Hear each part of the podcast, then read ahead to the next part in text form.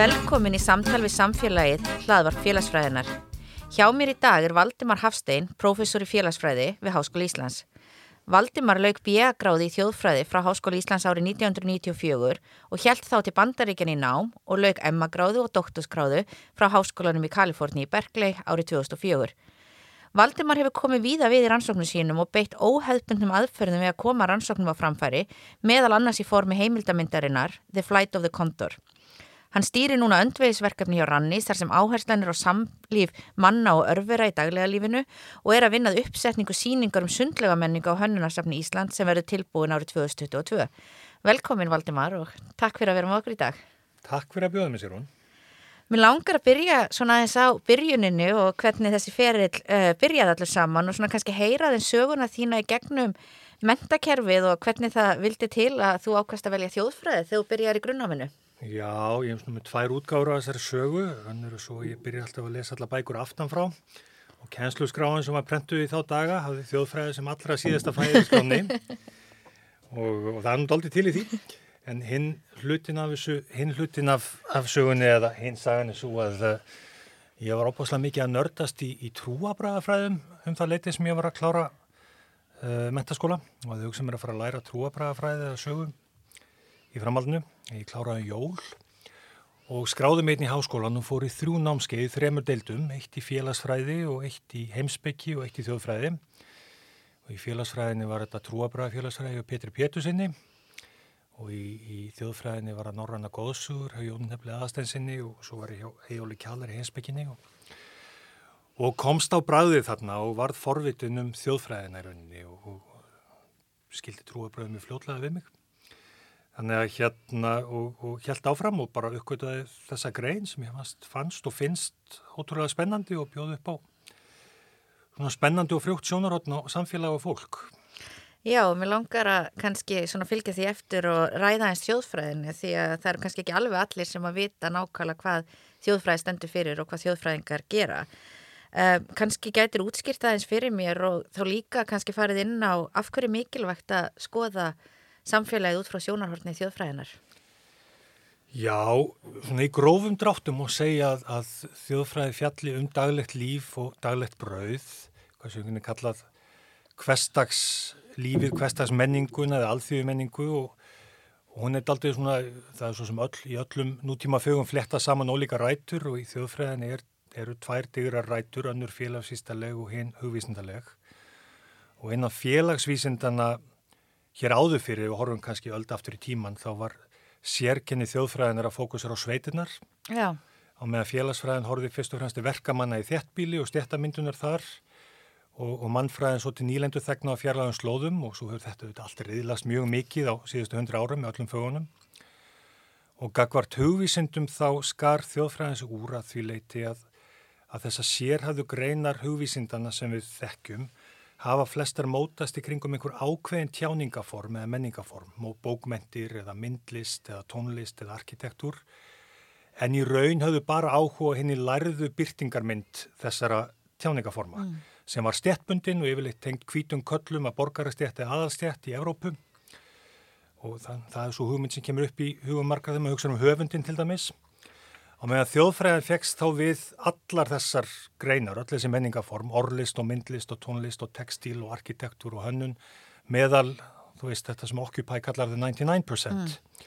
meðal almennings eða þessum var einu sem kallar alþýðan. Þannig að sköpun og umsköpun og tjáning og aðtatnir í daglegu lífi alls þorra fólks.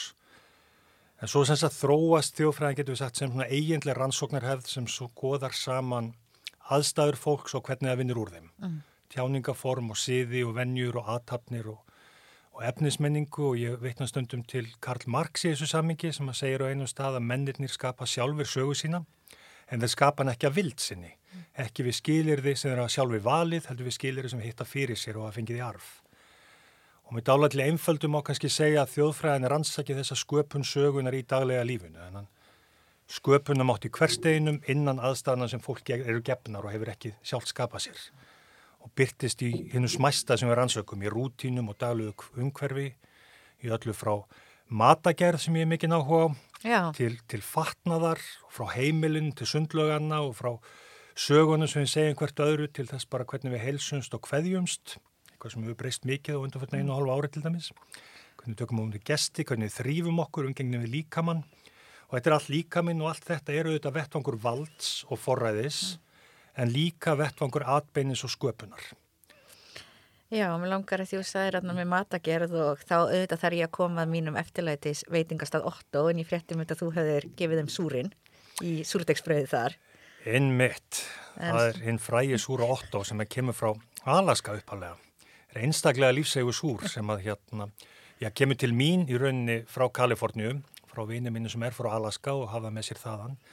En til Alaska kom hann í, í hérna gullæðinu uh, þegar að, að gullgravararnir hafðu lokið störfun sínum í Kaliforni og fóru upp til Alaska í nýjasta gullaðið og tóku súrin með sér í handakrikkanum eða bakbókanum eða eitthvað staðar. Þannig að það má rekja súrin 8 og allavega þetta langt aftur. Já, þetta allavega er held ég bara besta súrdegsbröð sem ég hef allavega smakað. Já, og þetta Andrés líka bara stórkoslegu kokkur og bakari. Já, alveg bara dásamlegur en kannski svona að fara aðeins aftur í þjóðfræðina þó að þetta sé áhugavert og svona kannski aðeins að halda svolítið áfram með námið því að þarna og auðvitað þegar við förum út í náma sínu tíma þá var ekkert framhalsnámi Háskóli Íslands þannig að ef þú vildir fara út þá er rauninni, ef þú vildir sagt, læra meira heldur en bíagráðu þá er rauninni þurftir að fara út og þú fer til Háskólans í Kaliforni í Berkeley og kannski um til seminæs frá uh, af hverju þú valdir þann skóla, af hverju þú valdir bandaríkin og svona hver var þín upplifun að vera nefandi þar? Já, Ég var nú meðal annars elda kennara sem ég hafi lesið tölvört mikið í grunnnáminni hérna. Svo var þetta líka bara æfintýra þrá. Uh, ég er alin upp í Evrópu. Mm. Fóraldra mínir voru í utanriksþjónustunni. Þannig ég ólst upp að hluta í Brussel og Genf og þessum alþjóðlegu höfustöðum í Evrópu. Þannig að mér langaði eitthvað allt annað og, og fór eins langt í burtu og ég komst til Kaliforníu út að Kirrahafi og þekkti á þeim tíma ekki eina sálu og öllu meginlandinu þar og hérna sem að blessaðist alveg ótrúlega því að Amerikanir eru svo indislegt fólk svo þekkir og opið og, og kærleiksríkt og þannig að ég mætti út mánuð áður og skólinn byrjaði og hafði þannig séð ekki erendu við nokkur mann og einhverstar annar staðar hefði maður getur verið einmanna en þannig bara byrjaði fólk að spjalla í stræt og búðinni eða hvar sem það var og, og bara, mér leiði mjög vel þar og svo þetta bara frábær skóli og alltaf eitthvað að gerast og þannig í gegn fara bara allir helstu fræðimenn og öllum sviðum sem eru áhuga á einhverju tíma og Þannig að það var spennandi umhverfu og gott fólk sem ég kynntist þar sem ég vinnaði þá með. Já, já, ég hef einmitt oft sagt það að þó að sé nú kannski ímislegt sem að með í gaggrina við bandaríkin og svona hvernig þeir skipulegja sitt samfélag þá svona mínum að þið er eiginlega enginn sem að gerir þá svona þessa higher education eða framhalsnám betur heldur en þeir. Nei, algjörlega. Og einhvern veginn bara hvernig úr tekin í hennan algjör að pakka í rauninni bæði fræðilega en líka einhvern veginn verður svona hluti af hópi og þetta náttúrulega verður mjög intens reynsla í rauninni. Já, það var það. Og svo var þetta góður staður líka. Hefur þetta háskóla borg sko, Börklei, en hún er sambyggð við ótal aðra borgi. Ég bjó aldrei í Börklei, ég bjó í hérna Óklandi sem er svona fátaka ljóta sýsti San Francisco Já. og hérna og uh, þannig að það var bara alla, alla nátt mikil upplöðun. Já og svona við höldum aðeins áfram með námið þar og það er nú svona kannski fyrsta stóra rannsóknir sem við flest gerum er doktorsverkun við okkar og ef þú myndir kannski segja mér aðeins frá því svona hvað varstu að skoða og hvað var svona það helsta sem að Já, þú ég, lærðir af því?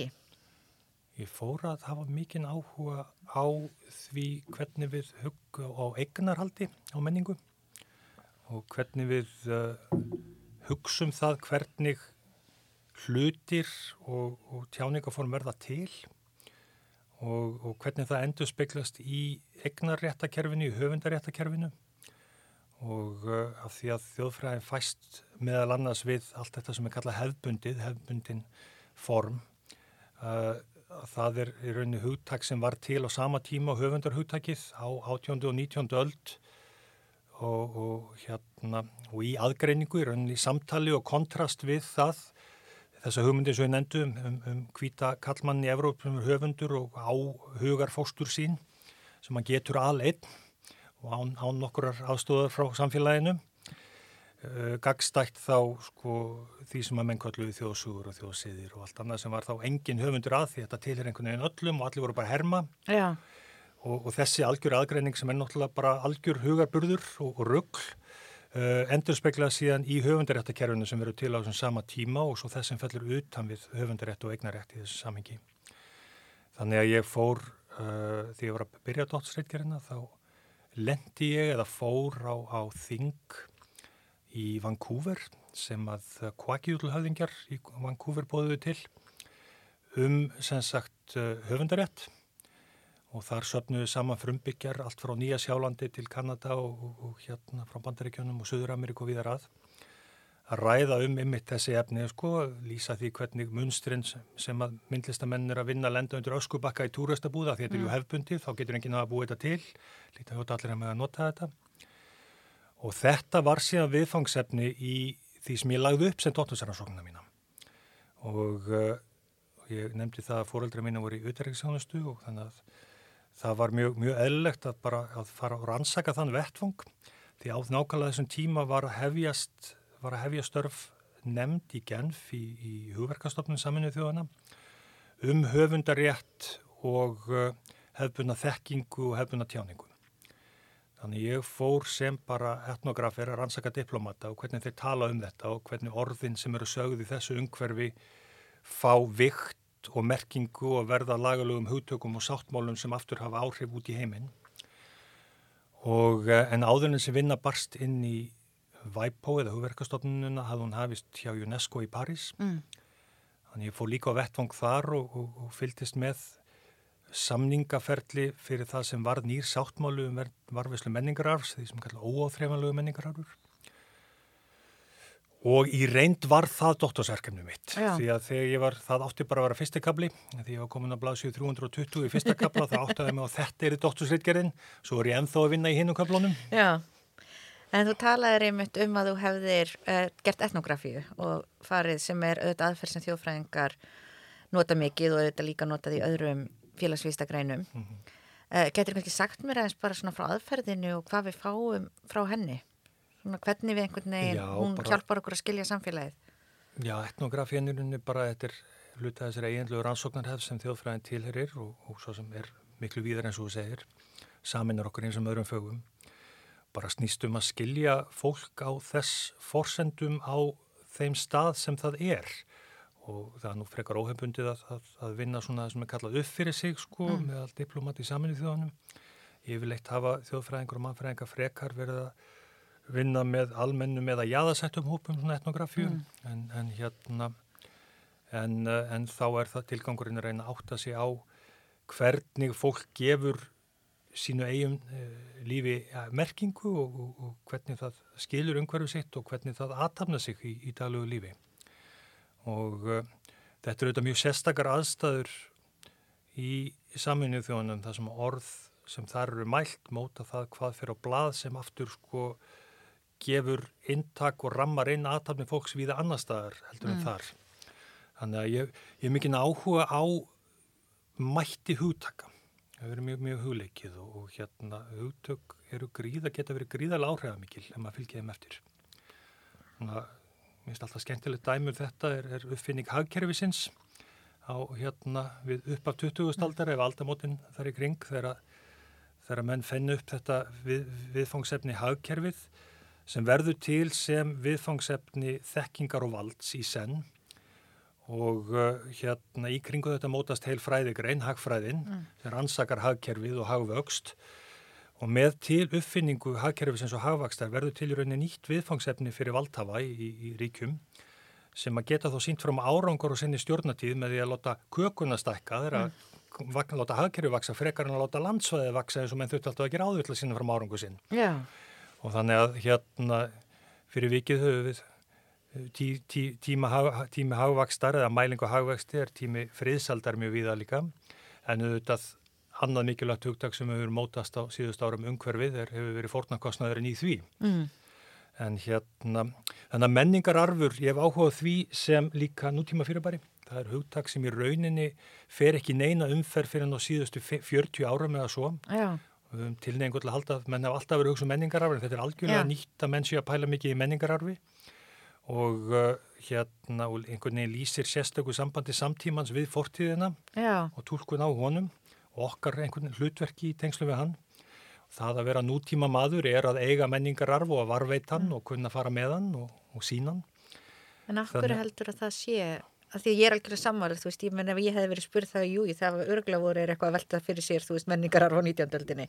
En hvað er hann kannski erða fyrir 40 árum og eins og talar um þú veist, þetta sé mjög mikilvægt fyrir nútíma mannin. Mm -hmm. Hvað er það við okkur sem að gera verkum og okkur finnst þetta Já, það er náttúrulega stór spurning Sigrun, hérna það, eh, sko, það, það sem við getum tíma að setja út frá auðvitað bara, bæði getum við gert það með orðarleit að það, hérna getum fara á tímareit.is til dæmis og séð bara hvernig þetta byrjar að byrtast og svo vex þetta svakalega fjöltíð orðtíðnin á þessu húttæki Uh, og það er ekki bara vegna þess að menn hafa notið einhver önnur orð til að lýsa í sama mm. áður uh, heldur er þetta það það er bara, menn verða mjög uppteknir af þessu og uh, ég hef auðvitað velt þessu mikið fyrir mér hérna hluti af tilur nútímans með innvæðingu og þéttbílismyndun er hinn miklu áhugi á hefðum og síðum og, og sem að þjóðfræðin meðal annars móta sem fæði kringum á 19. öld og, uh, og það, það er eitthvað sem er svona hinn hliðinn á innvæðingu og, og, og borgamyndun er sá áhí og minnjasöfnun og byggðasöfnun sem byggjast upp í kringu það. Og með sama hætti held ég að það sé eitthvað nýtt svona sensibility samtímans sem tengist á kannski nattvæðingu og, og breytingum á samfélögum og okkar dögum sem endur spiklast þessu mikla áhuga mm. á menningararfi sem viðfangsefni og hérna þannig að þetta er, svona, þetta er speilmyndin af einhverju öðru sem er að gerast. Já. þannig að hérna hvað nákvæmlega er, er við að festa fingur á kannski. Já.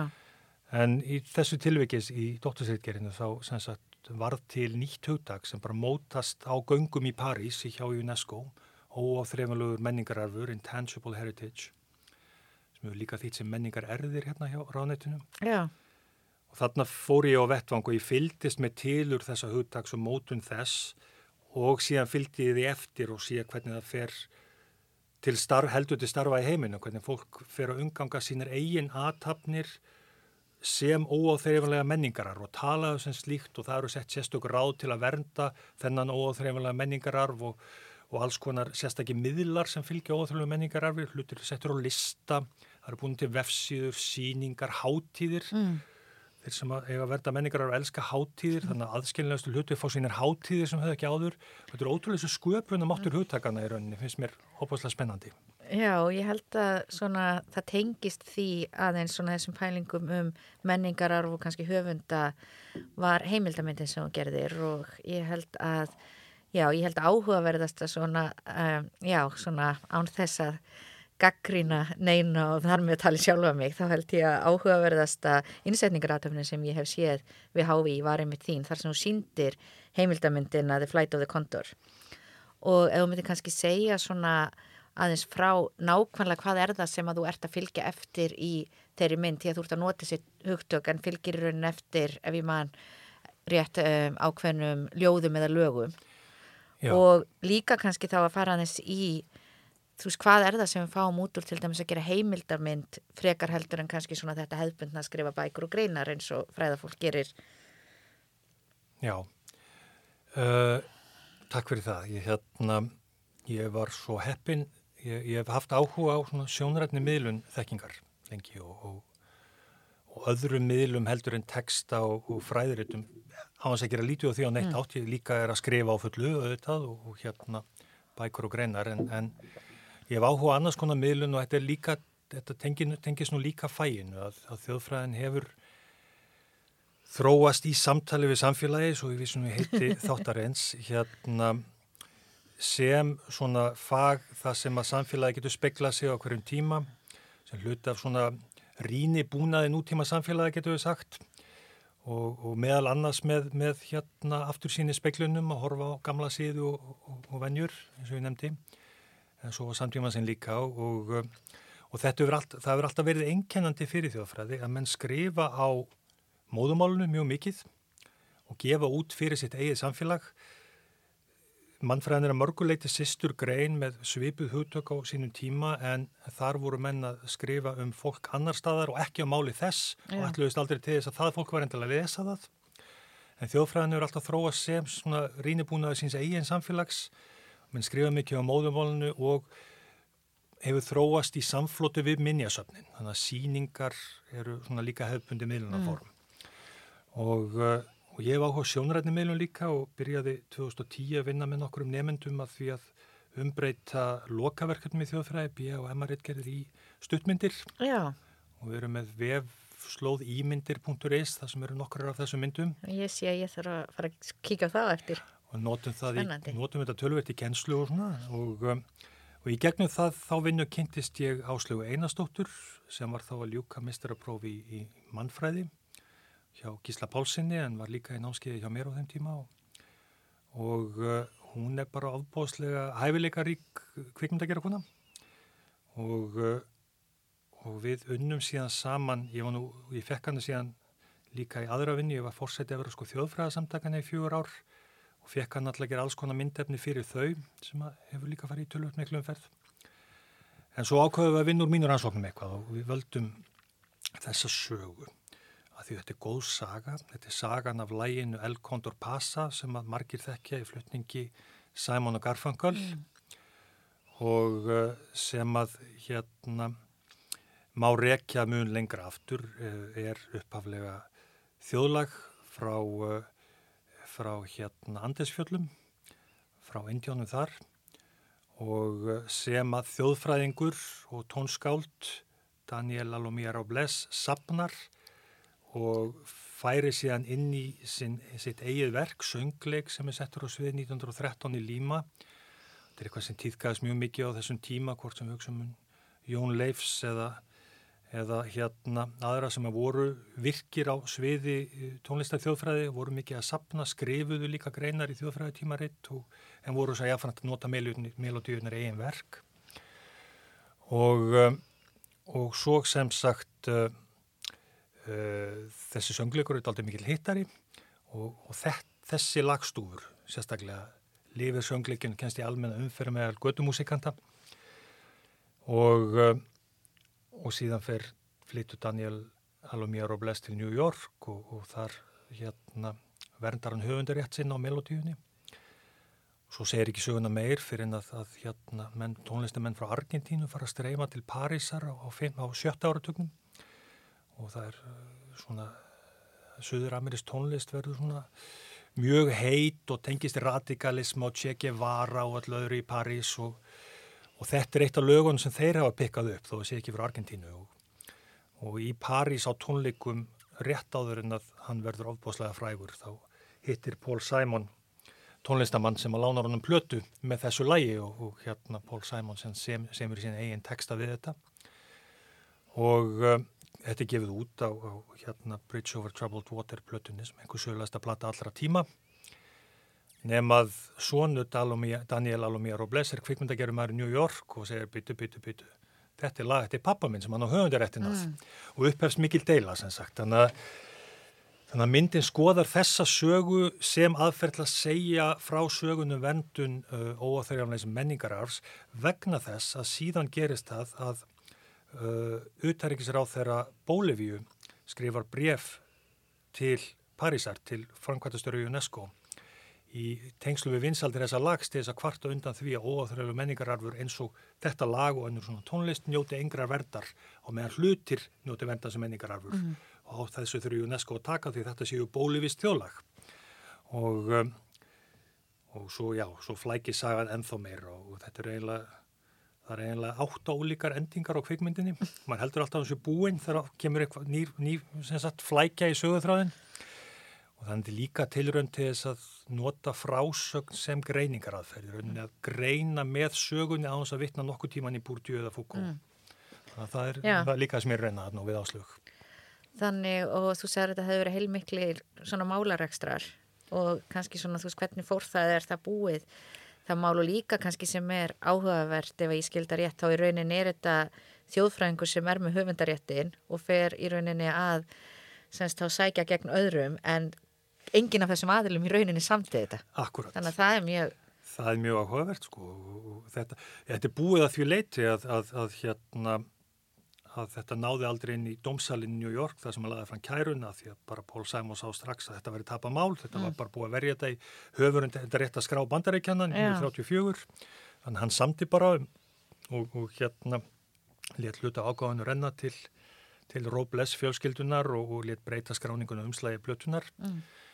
En uh, þetta er eins og er ekki búið að því leiti að þetta bref til Frankvæntastjóri UNESCO setti í gang þá vinnu sem að varði í raunin að sáttmálanum um verðn og þennins menningarárs 2003 í París mm. og þá vinnu sem er enþá í gangi í Genf í þessari nefnd sem ég hefur að fylgja. Þannig að, hérna, að því leiti heldur þetta áfram Þannig að þetta er mjög áhugavert og mér langar að breyta eða alveg um gýr og fara í eitthvað sem er gjur ólíkt en svona jafn áhugavert en þú hefur rannsakað glímu íþróttina og byrtingamindi karlmennskunar í því sambandi. Geti kannski sagt mér aðeins frá hvað vart að pæla varðandi það? Já, þetta er, ég hef áhuga á mannslíkamannum og, og hérna líkaminn sem, svona við hugsaum aftur til, til orða marksum að, að fólk skapi söguna ef aðstæðar sem er ekki þegið í arf, þá er líkaminn bara miðlægt objekt og subjekt í því, en þar sköpum við söguna og, um, og þetta ég dætt nú inn í glímuna því bara sem hluta rannsóknum á menningararfi og mér vantaði einhver góð dæmi fyrir einhvern fyrirlastur og eitthvað svona myndrænt. Já, og, þannig að glíman kannski verði það svolítið svona fyrir okkur þessi svona menningararfur. Já, já, glíman er hérna og náttúrulega hún er afskaplega myndræn og, mm. og þessar, mér bara algjörlega heitlaðist af gömlum ljósmyndum og kvikmyndum sem ég gróf upp af glímu frá, frá gullöld hennar sem er svona frá, frá því eftir aldamót, kannski 1900 og Það má nánast tíma að setja þetta frá heimastjórn til sjálfstæðis. Á því, því 40 ára tímabili er gullöld glímunar og hún er, hún er svo mikil sviðsetning á sko nýri hugmynd um hvaða er að vera karlmaður sem er að koma hinga á þessum tíma og á mótu nútíma samfélagsins í kringum karlmannslíkamann.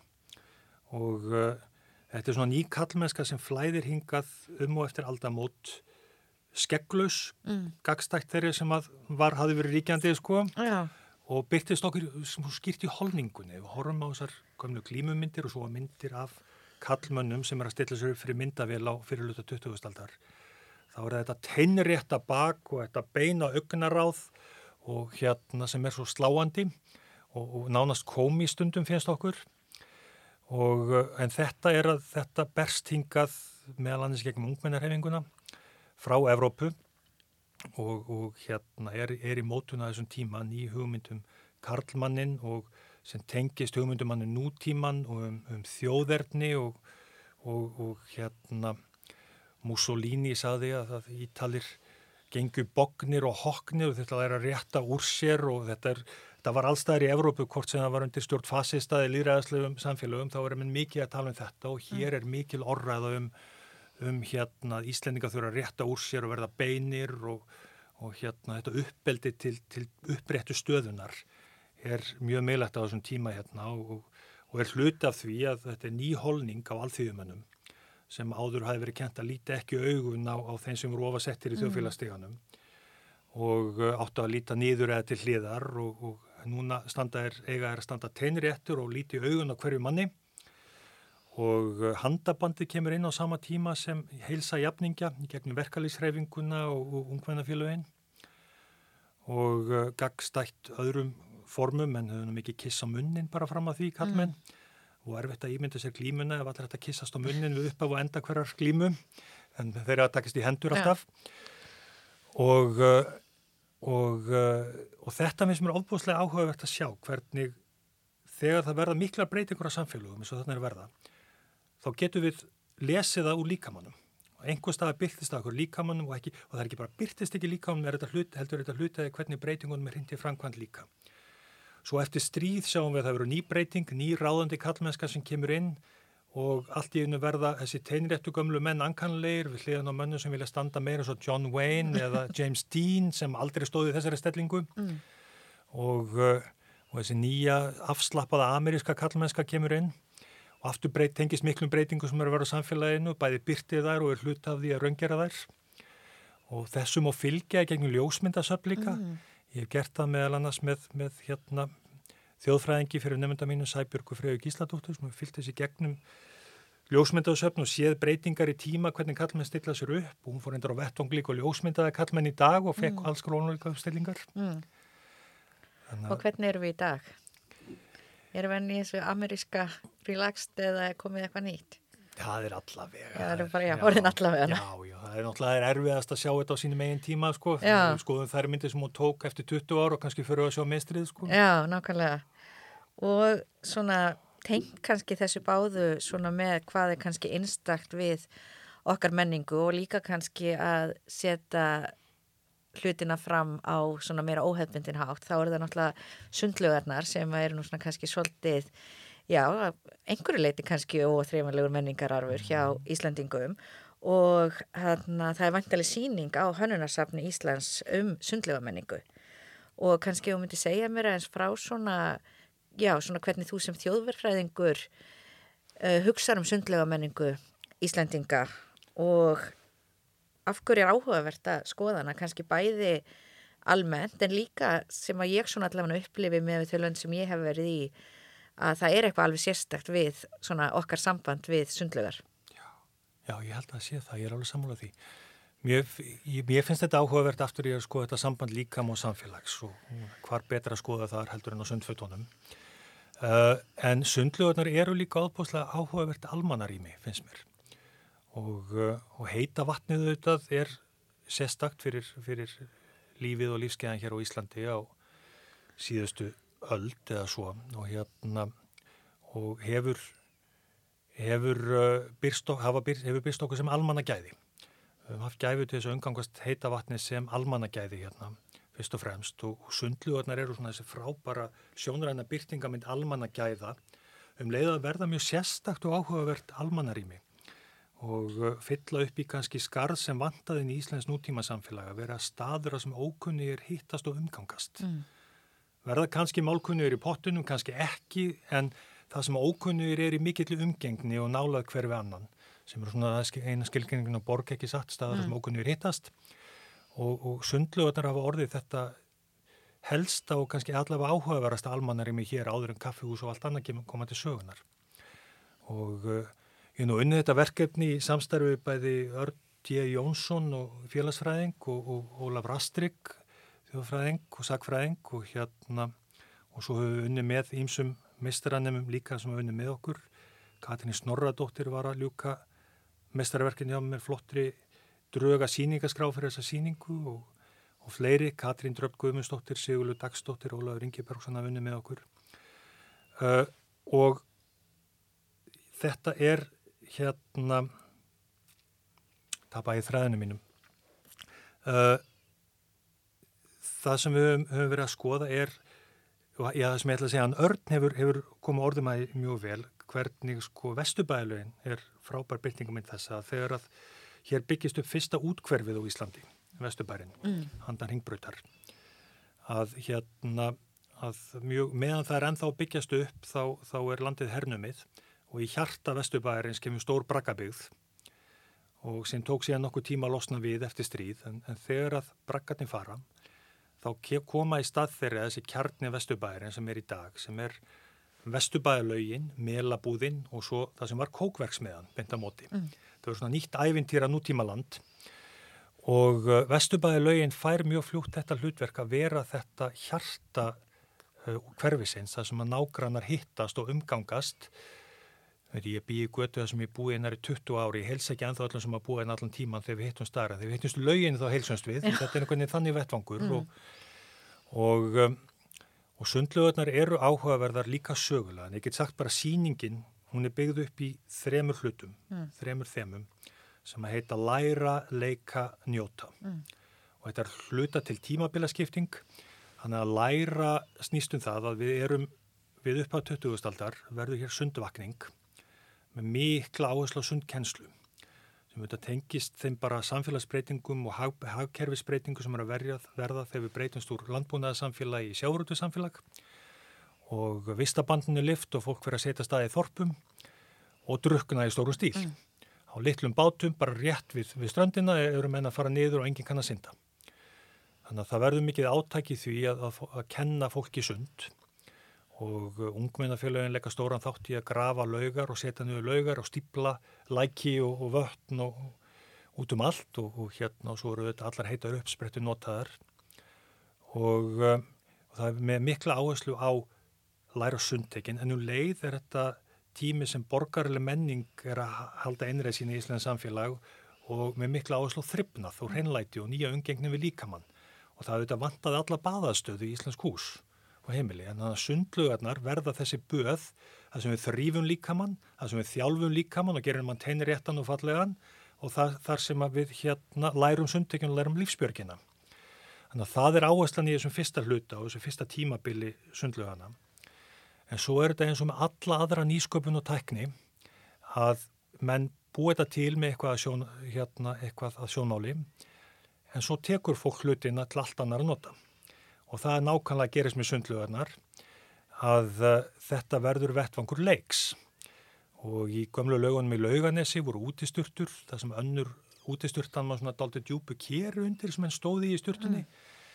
og þar lögðust bæði fullortnur og börn ofan í kéru við fætur þeirra sem voru í sturtu og það eru henni fyrstu heitu potturinn við laug sem var alls ekkert hannaði sem slíkur. Þegar að vestubæðilögin er hannuð að þá hérna var Gísli Haldursson arkitekt að hlutverka klára tekningar út í sveðinu og hann hafi séð þetta auðvitað í laugarnesna sem hann fór í sund að þetta var eitthvað sem að fólk virtist nota og vilja.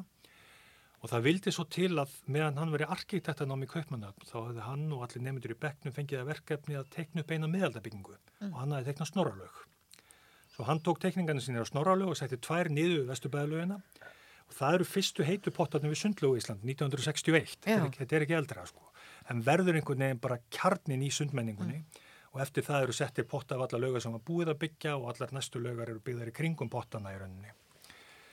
Þannig að, og svo koma barnalögar og rennibrautir og leikur en verður alls ráðandi í þessu. Og svo er síðastu hlutin sem er sirka frá aldamótum til okkar daga er þinn sívaksandi á, hérna, áherslu á nöytnina mm. og líkamlegu nöytna vatninu og með uh, sífælt fjölgandi nuttstútum og, og sánaböðum og, og einböðum mm. og, og restinni og svo þessum hérna því sem að gerist með túrismannum sem eru, eru jarböðinina, nöytnabaðstæðinir sem borgar 20.000 meira inn á og eru aðalega ferðamenni mm. en ganga út á þetta og það er eitthvað samtal þarna millir þess og svo laugana mm. það sem að svona fer fram og tilbaka sko. Já en samt líka eins og í þeim og ég er nú bara að hugsa hér um Gíosi sem ég er mikil aðdándi að það er einmitt samt kemur þetta svona kannski mikilvæga líka fyrir Íslendinga eins og þar getur við keipt til þess áskort þannig hérna nánast allir mm. húsvikingar séu með áskort í Gíosi sem kostar náttúrulega bara eitthvað hlægilega lítið Já. með að fara í eitt við skipti Já, akkurat En þetta eru við að vinni, þetta opna 20. janúar sundmenningarsýning og þetta er sem sagt á Hönnasafn Íslands eins og nefndir og, og er að vinna þar með hérna Þeim sem þar eru, Sigurður Sigurðunsdóttir sem að stýri safninu og Þóra Sigurbjörnsdóttir safnafræðingur og Bryndur Pálsdóttir síningur Hannur er í þessu verkefni og þetta er, þetta er alltaf takk á þessu mynd núna. Já, þetta er. Ótrúlega, mér finnst þetta ótrúlega gaman að fara aðeins út fyrir það endaramman og minna með öðru fólki og öðrum, öðrum formum. Já, þetta er rosalega spennand og líka því þú myndirst á vestubæjalögina þá líka sennilega einhver breytileiki á svona samfélögum eftir hvar sundlugunar eru og ég er nú svona kannski sérstaklega að hugsa eins og á landsbyðunum og ég er þetta frá Hortnafyrði og þar einmitt sérðu þetta mjög, það er sama fólki til dæmis kannski sem mætir alltaf sjó á mótnana já, í sund og svona tekur úr um hljóðmálin í heitupótana. Já, já, það er allir, all, alla löga með sinn húnahóp sko sem hangir á húninu við 8. tíman og hérna Já, ég hef mitt vann í sundleg horfanfjörðar hérna eitt sumar og uh, ég gæti nú ekki orðið ofreið því að það voru nú meðal annars afið minn og amma sko sem að voru af þessum hóp sem mættir svona 6.45 þó lögin ofnaði sjö. Já, já já. sem starfskona þá þurftur að vakna fyrir til að já. geta leift fastakunnunum inn á sínum tíma. En síðan langar mér líka að heyra þessum öndvegisstyrkin sem að þú ert með sem er mjög spennandi og ég held að þú erum kannski svona aðeins að útskýra fyrir okkur því að þannig að, já, svona til að uppgöta nákvæmlega hvað er að gera en þetta er semst um mhm. samlíf uh, manna og örvera í daglega lífinu og kannski svona til að byrja þess að því þá bara langar maður að vita svona þú veist hver er svona grunn hugmyndin að baki þessu verkefni? Já, sko, samlífi er hugtak úr, úr vistfræðim sem að vísa til þess hvernig mismunandi tegundir lifa saman og tengjast þá yfirleitt annari hvori eða báðundi gags samvinna ólíkra lífvera og þetta er flokkað í lífræðinni gistilífi, samhjálp og svo sníkjulífi mm. og ég var nú ekki áhuga samur en lífræði mentaskóla og en í setni tíð hafa augun svona verið að opnast fyrir því að, að að mannlegt samfélag eru þetta bara hluti af náttúrunni og það þýðir það meðal annars að menningarlegu markbreytileiki er bara einn byrtingamind af fjölbreytileika visskerfa og, og lífrikis. Og í þessu verkefni þá, þá er ég í samstarfi við líffræðinga og næringafræðinga og mannfræðinga og þjóðfræðinga við háskólan og, og á Matís og við erum að leggja saman ólík sjónarhorn og, og fög og aðferðir til þess að rannsaka aðtapnir manna og aðtapnir örvera í þessu samlífi og, og skilin þarna á milli eru kannski ekki að ljósum að langar til að halda. En kannski svona aðeins, sko, þegar þú talar um örverur, erstu með einhver dæmi um hvað þú ert að, já, já, hverju myndi vera örverur? Bara, hérna, já, sko, við erum örverur, byrjum þar, að því að nánarkáð erum við örverur. Það, þetta er bara nýju ökkutun hún ný fyrir mér en hún er líka til til að nýja fræðanum að, að, að ný greiningartækni í lífræði hefur bara ger breytt sín okkar á vistkerfi og leitt til ljós hvað er gríðarlegu fjöldi af tegundum af örverum er, hvað, hvað gríðarlegu fjöldi þeirra er hluti af dýrum og jurtum og moldinni, heimilunum og af okkur sjálfum mm. og, og hlutvöldin er aðeins og reiki en, en, en það er allavega allir sammálinn um það að við þar er svo homo sapiens, erum í minnu hluta í okkur sjálfum. Mm. Það er að minn en helmingur af frumum líkam okkar eru mennskar. Mm. Meir hlutin af frumunum í okkur til eru alveg gríðarlega fjölbreyttum örveru tegundum sem við lifum í eins nánu samlífi við eins og hægt er að ímynda sér. Það eru í okkur, það eru á okkur og það eru allt í kringum okkur. Nú er ég bara að horfa hér á líkamann minn bara, og hugsa bara... Þegar þú setur hendina á borðið, þegar þú leggur hendina hér á borðið, þá tekur upp á líkamann svona helmingin af þeim tegundum sem eru á borðinu. Já og, og við gætum ekki lifa ánverða, ekki séns. Mm. Og, og það er reynd þá er ógjörningur að greina aðn og milli. Við erum örverur í fylsta skilningi sem sagt. Við erum fjöldin allur á tegundum hvert og eitt, við erum bara flókið samfélag lífera. Og þetta er, þetta er mjög rótæk sko bylting, ekki bara í vistfræði, heldur líka bara í verufræði getur við sagt, hugmyndunum um okkur sjálf mm. og, og hvernig við tengjumst öðrum og hvar við byrjum og hvar við endum. Og og ég meina þú fyrir út í garfinu og handleikur moldina þá rennur í rauninni saman við þessa mold og örfururnar í hennu komast inn í þig sem er hluti ástæðan að fyrir fólki líðu vel eftir garfinu mm. En sko fyrir mér er þetta ákall líka um félagsvísindilega rannsóknir svona etnografíska rannsóknir sem við að tala um sem reynir að skilja hvernig þetta virkar bara í daglegu lífi, hvernig fólk upplifir þetta, hvernig það skilur þetta samband hvernig það leggur sig eftir því og þá svo í svari spurningunni þá eru við að skoða sérstaklega í þessari rannsókn fólk sem er að leggja sig eftir að vinna með örfurum. Mm. Fólk sem að gera moltu til dæmis heima hjá sér, það sem örfururnar brjóta niður matinn mm. og, búa til mold. Fólk sem bruggar kombucha, fólk sem bakar úr súrdegi, heldur súr á lífi heima hjá sér og hérna eins og súrin Otto, fólk sem mm. súrsar, fólk sem gerir jógurt og skýr og kefir og osta handverksfólk en, en þetta er líka bara allur almenningur og við hefum séð það núna á, í, í hérna heimsfaraldrinum að, að eina byrtingamyndum mannlegra seglu og samfélags í heimsfaraldrinum, var allar, allar myndirnar af, af súrdegsbröði í samfélagsmiðlum.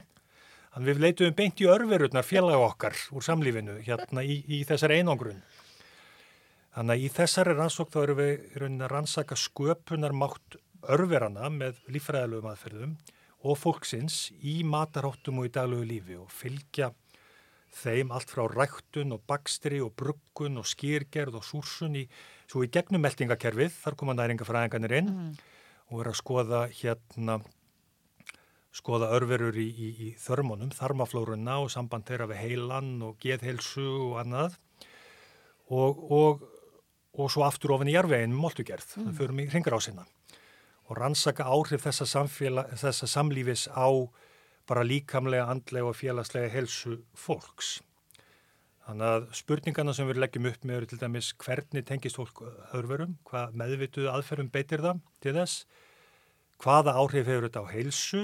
Og þar koma sérstaklega næringafræðingarnir inn, hvaða hugtök notar fólk til að lýsa þessu, þessari samvinnu og samlífi með örverum, hvernig skilur það þetta, hvernig segir það frá því, mm. náttúrulega dæmum allan súrein sem að fekk að heita Þórólur og Alma og svona, uh, hvaða áhrif hefur hvernig miðlast ný vísindileg þekking þannig, hvað áhrif hefur hún á daglega rattal með fólk sem kringum matagerð og úrgang og sorp og, og næring og helsu hvaða hugmyndaflug og frásagnir og tilfinningar og félagstengsl vekja örveru hjá fólki? Því, því þær tengja fólk saman, fólk er að skiptast mm. á örverum, það er allir þessir hérna hópar á Facebook og annar staðir í kringum örverur og örveru samvinnum og samlífi og hvernig getum við hugsað sjálfbærni út frá þessu samlífi? Hvaða mm. nýju, nýju svona, hvaða möguleika býður þetta upp á að hugsa um hvað sjálfbærni felur í sér? Þetta sjónur á mannin sem hluta vistkerfinu. Og svo er það aðferðafræðispurningin sem er miljónkronar spurningin sem Já. við fengum öruglega styrkin út á. Hvernig er hægt að leggja saman etnografískar aðferðir þjóðfræðing og mannfræðinga með sko tilraunastofu rannsóknum og með næringar rannsóknunum Þannig að úrverði einhver heild sem er stærri heldur en hlutanir hann. Þetta tengir saman og, og, og verður eitthvað meira til úr þessu. Þetta, þetta er fyrsta rannsóknin sem ég stýrið þessum sörsýn eru hluta rannsóknum til dæmis. Og mér finnst það ótrúlega spennandi. En nú segjum við kannski eins frá því sem þið ætlið að gera. Þannig er það þá fyrst og fremst að taka viðtöl við fólk, vera með einhver etnografjur eða... Já, við erum, við erum bæði með viðtöl uh, sem eru farin á stað. Við erum með uh, þáttöku aðtuganir uh, og svo þetta fylgir þessu sínataka mm. þannig að við tökum síni úr, úr hérna súrnum mm. en líku sörnum og, uh, og hérna og lífræðingarnir skoða hvað örfurinn er að gera og næringafræðingarnir skoða sambandi á á milli og uh, þannig að og svo við sendum út spurningaskrár í samvinnu við þjóðminnarsapsins sem er svona Einn af rannsóknarstofnunum þjóðfræðanar síðust 60 árin hefur sendt út reglulega eiginlega spurningaskrár uh, og þeir eru með sín hópa föstu heimildafólki, eða svona panel en, en auk þess vikuða mikið út með hverju nýri rannsókn, fáum aðra hópa að. Þannig að fyrir sundlögaverkefn til dæmis þá byrjaði það með slíkri spurningaskrá sem að fór út til fjöldamanns í samvinnu við sundlögarnar og við höfum með mikið að svöru alltaf vinn úr.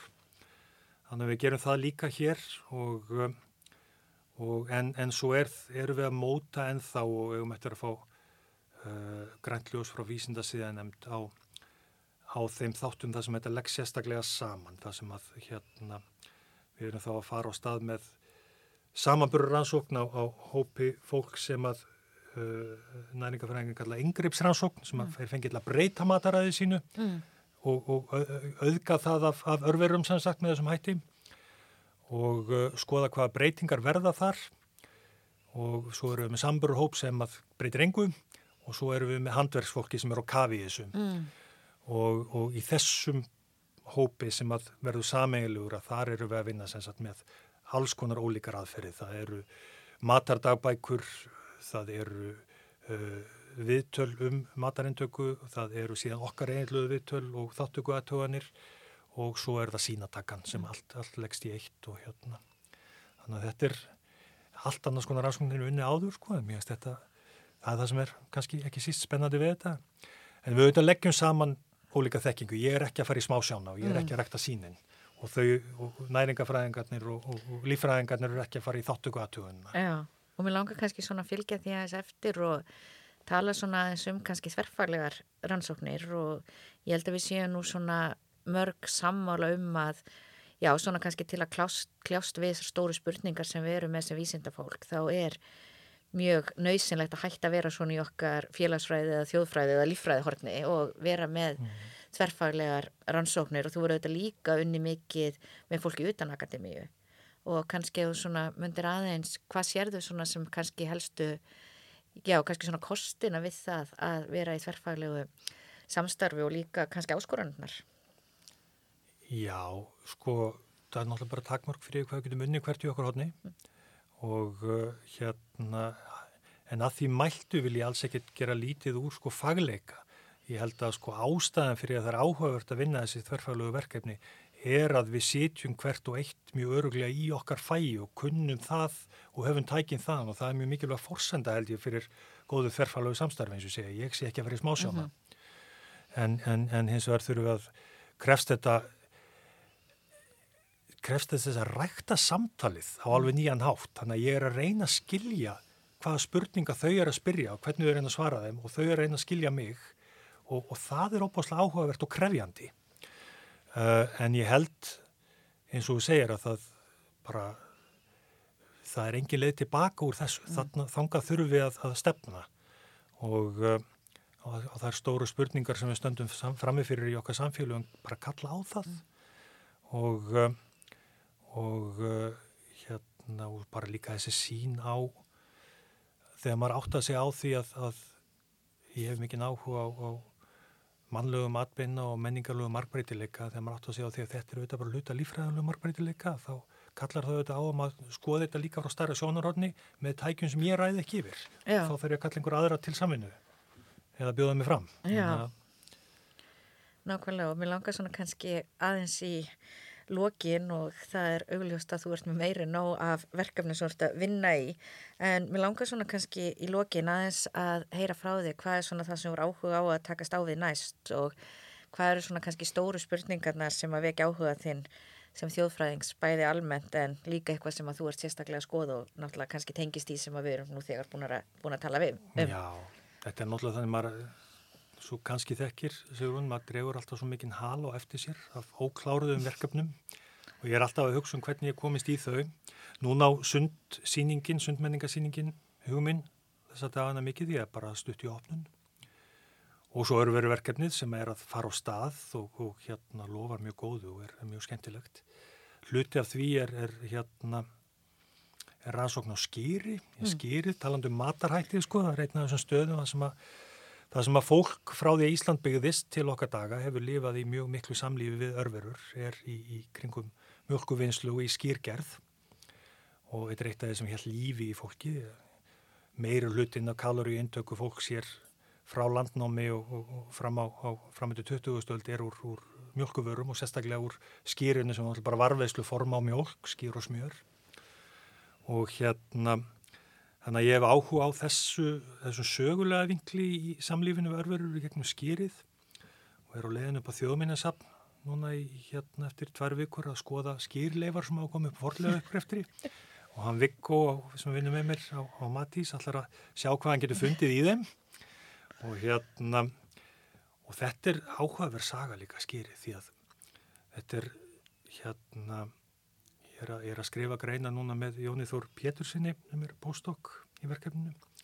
Við höfum verið að skoða skýri saman og hérna og það er mjög áhugavert hvernig skýrvinnslan breytist á 20. stöld uh, úr þessum sjálfþurftabúskap þar sem að hver bær gerði sitt skýr og uh, þetta var bara hluti að varveita matinn og, uh, og síran sem fellur til við skýrgerðina, allt sem rennur af sem sagt, misan var nótu síðan til að varveta kjötið í og, mm. og allt eitt paklaða með aftur örfurónu sem var í því, sem unnið það starf og, uh, og þetta er hvennaverk konur sá algjörlega mjöldur og mjölkuvinnu mm.